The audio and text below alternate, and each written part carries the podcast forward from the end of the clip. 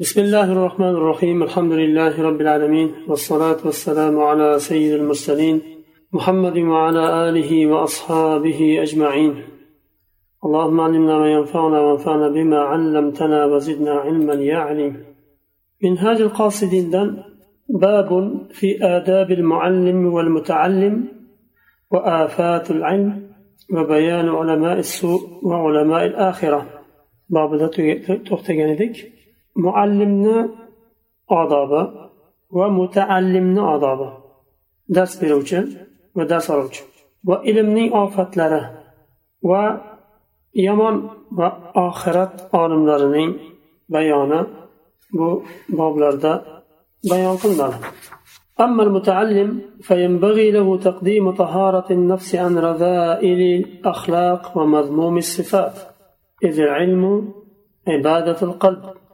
mutaallim haqida gapirsak dars oluvchi tolib ilm.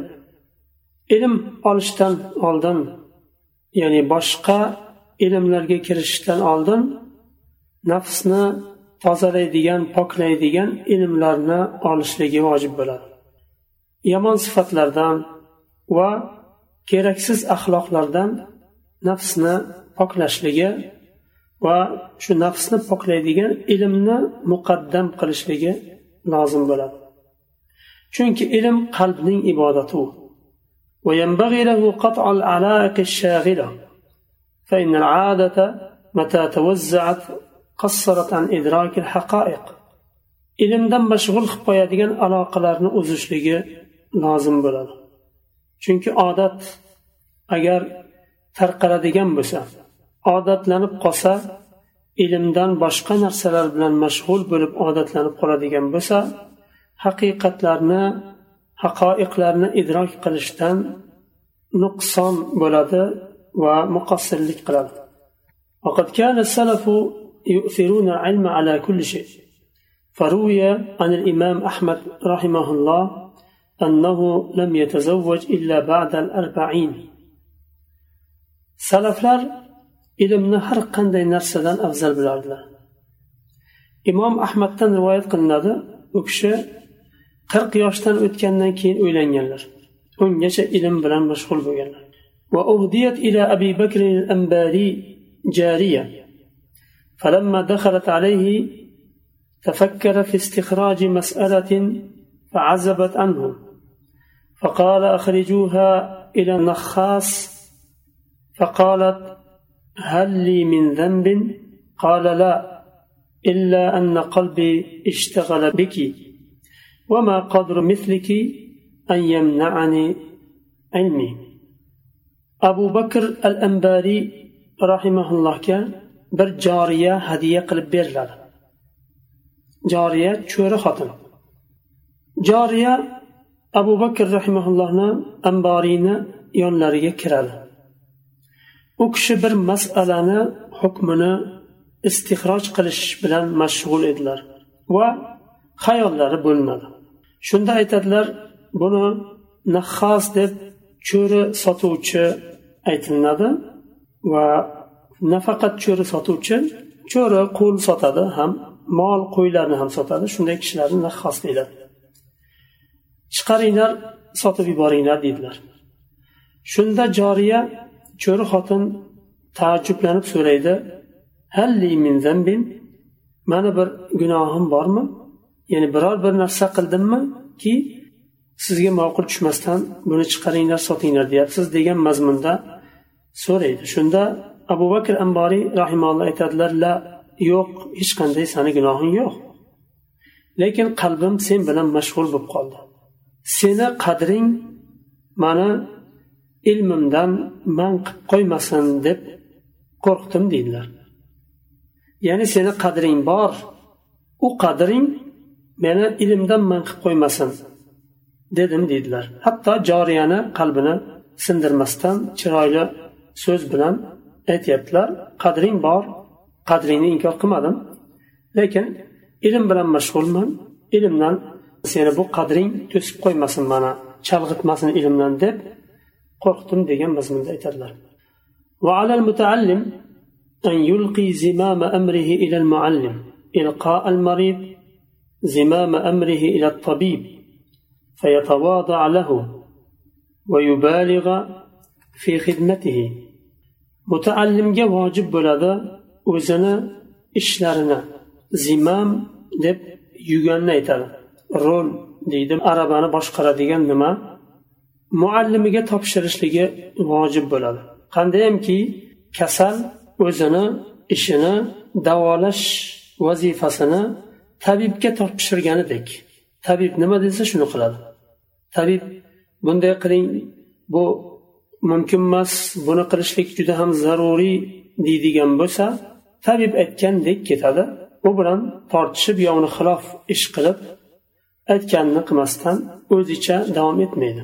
xuddi shuningdek mutaallim ham muallimga ishini topshiradi boshqaruvni va tavoziylik qiladi mutavoziylik qiladi va uni xizmatiga mubolag'a qiladi وقد كان ابن عباس رضي الله عنهما يأخذ بركاب زيد بن ثابت رضي الله عنه ويقول هكذا أمرنا أن نفعل بالعلماء عبد الله بن عباس رضي الله عنه tarjimoni qur'on va bahrul umma u kishi qur'onni tarjimasi degan nomni olganlar. Ummatni ilmda dengizi degan nomni olganlar. Allohimma allimhu tavil va faqihhu fiddin deb rasululloh sollallohu alayhi vasallam duo qilganlar u kishini haqlariga ey ollohim dinda faqih qilgin va tavilni tafsirni unga o'rgatgin ta'lim bergin deb duo qilganlar. Shuning uchun u kishini ilmi boshqa sahobalardan farq qilgan taraflari bo'lgan. Yoshliklaridan zakovatlari kuchli bo'lgan. Shu kishi abdulloh ibn abbos roziyallohu anhu vahiyni yozuvchisi zayd ibn sobitni otlarini yuganidan ushlab yetalab yurib aytgandilar rasululloh sollallohu alayhi vasallam bizga olimlar bilan mana shunday muomala qilishni buyurganlar deganlar. Zayd ibn sobitga xizmat qilib rasululloh sollallohu alayhi vasallam mana shunday muomala qilishga buyurganlar deganlar ومتى تكبر المتعلم أن يستفيد من غير موصوف بالتقدم فهو جاهل qachonki mutaallim istifoda qilishdan mutakabbirlik qilsa yuqorida o'tilgan sifatlar bilan istifoda qilishlikdan mutakabbirlik qilsa u johildir deyaptilar لأن الحكمة ضالة المؤمن أينما وجدها أخذها chunki hikmat mo'minni yo'qotgan narsasidir. Qayerda topsa uni oladi. Hatto o'zi ba'zi tarafdan yoqtirmaydigan masalan ba'zi bir sulukiy yo'nalishlarda xatolik bir insonlarda masalan ba'zi bir ilmlar bo'lsa shu ilmlar uni yo'qotgan hikmati. Shulardan bo'lsa ham foydalanadi o'sha ilmlarni oladi.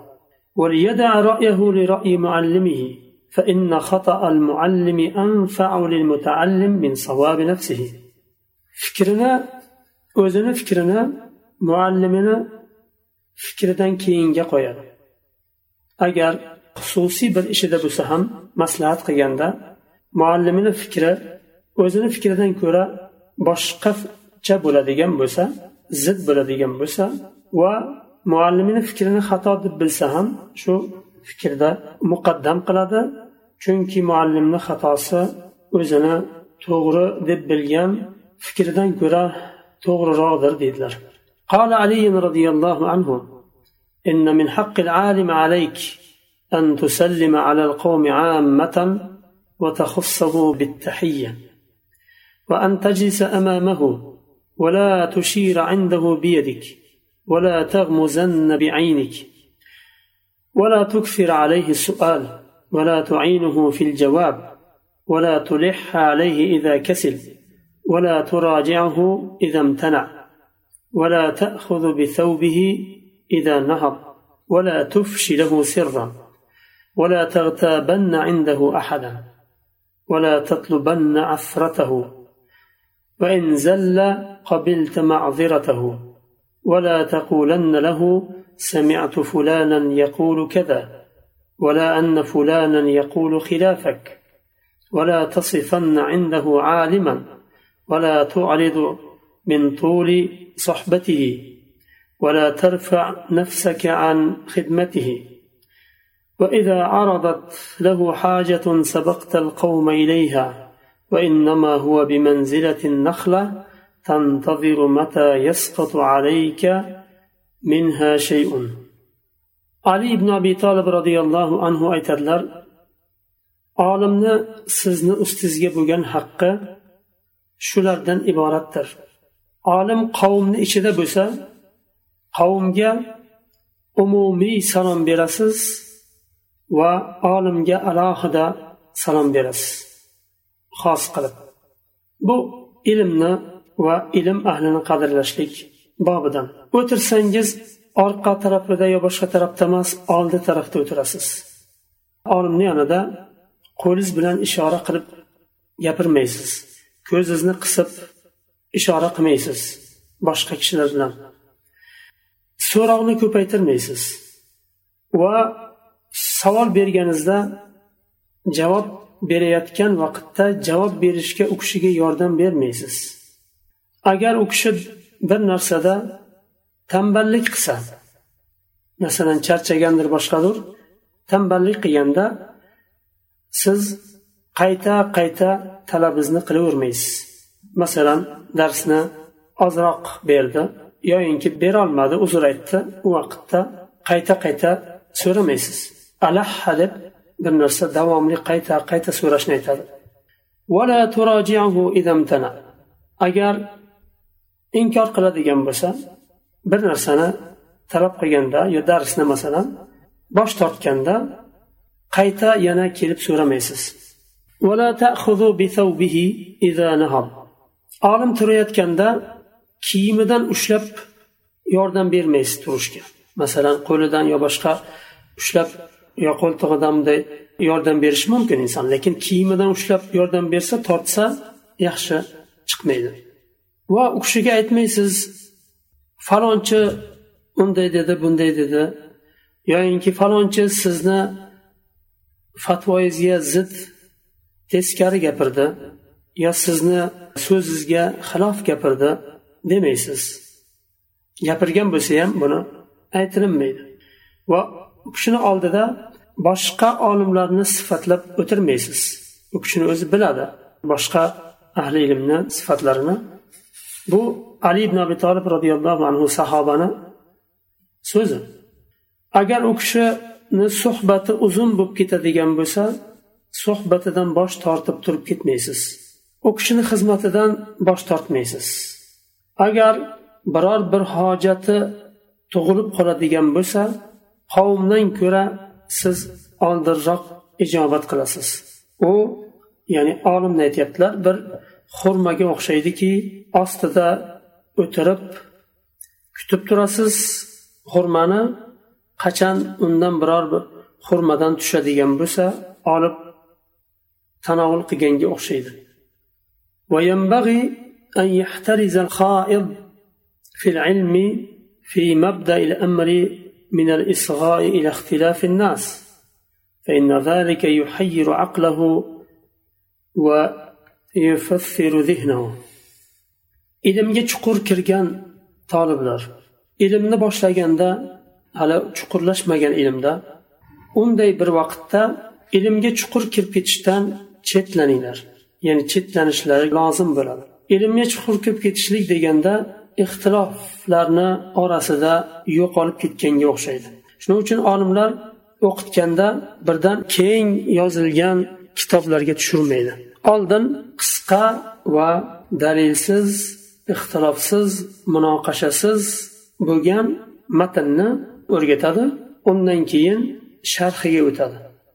Nima uchun? Chunki oldin tolib ilmni aqlida bir haykal gavdalanishlik kerak. Bir ilmni haykali masalan fiqh bo'lsin yo usul fiqh bo'lsin birdan keng sharhga tushib ketilmaydi. agar keyin sharhga tushadigan bo'lsa aqlini hayratga soladi va zehnini tarqatib yuboradi ixtiroflarni orasida.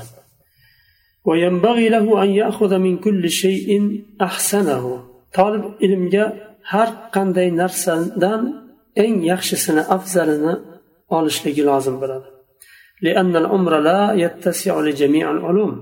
Chunki umr hamma ilmlarni olishlikka yetmaydi. جمام قوته إلى أشرف العلوم.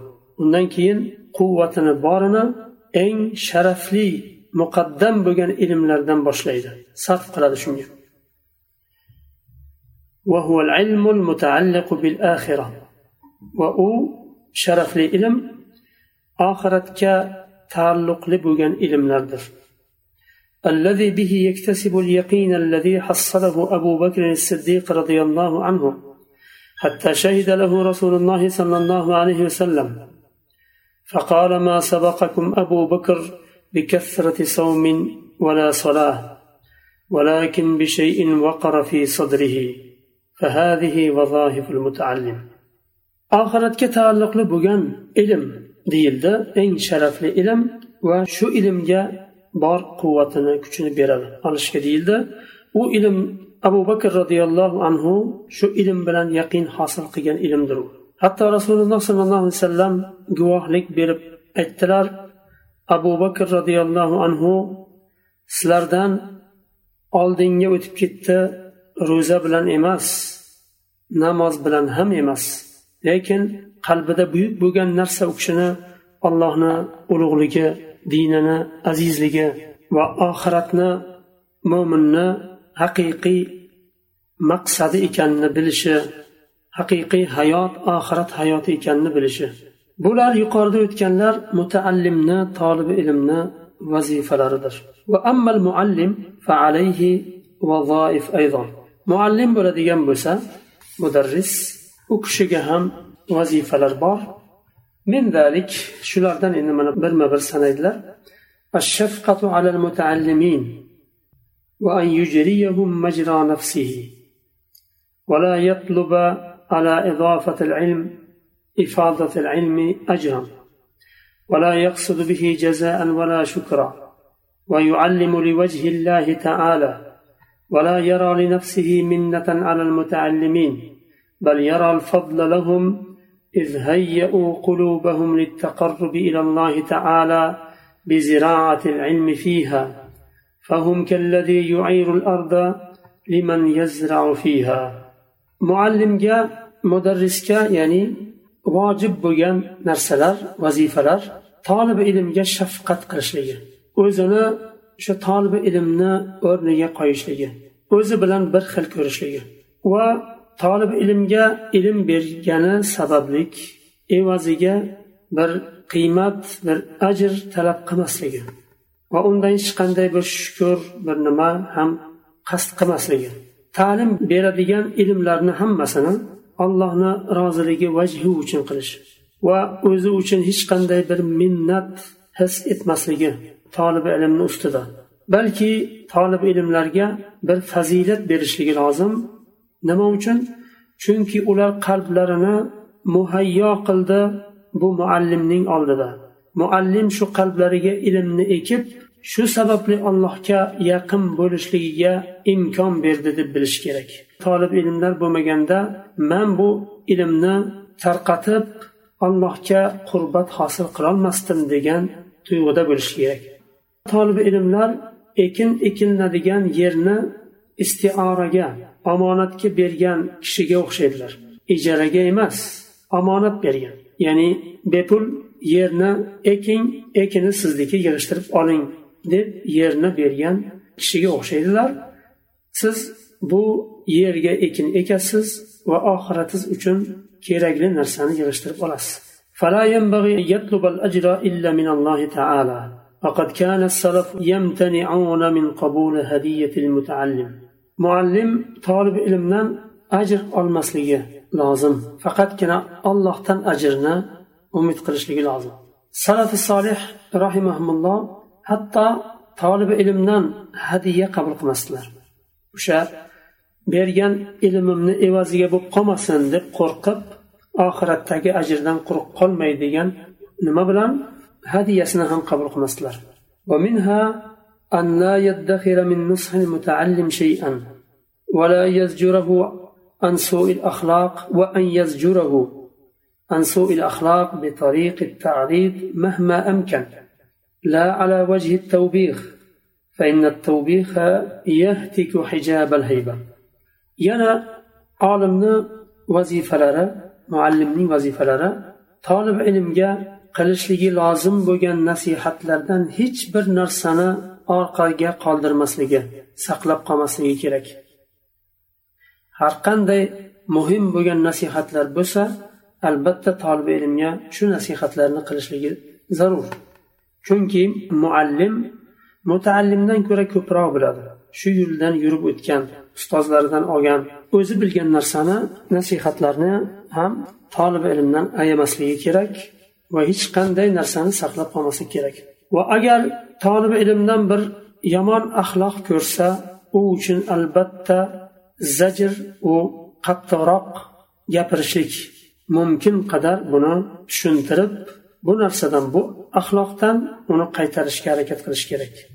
Lekin tavbih bilan emas ya'ni tavbih deganda malomatga o'xshagan bir narsa. San undaysan san bundaysan deb malomat qilaverishlik boshqa narsa. Lekin uni to'g'irlashlik bu yaxshi emas bu to'g'ri emas musulmonni axloqidan emas alloh va rasuli rozi bo'ladigan yo alloh rozi bo'ladigan axloq emas deb ta'lim berish kerak.